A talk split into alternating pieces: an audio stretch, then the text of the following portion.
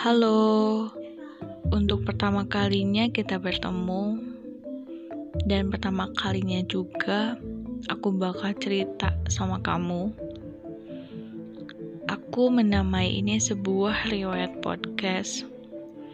Karena setelah cerita ini akan banyak cerita-cerita yang menceritakan tentang sebuah riwayat hidup seseorang untuk kamu.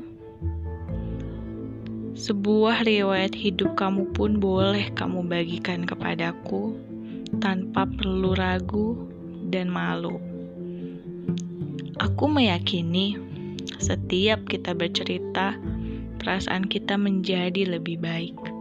Makanya aku berani bercerita kepadamu. Jangan sampai bosan ya mendengar ceritaku.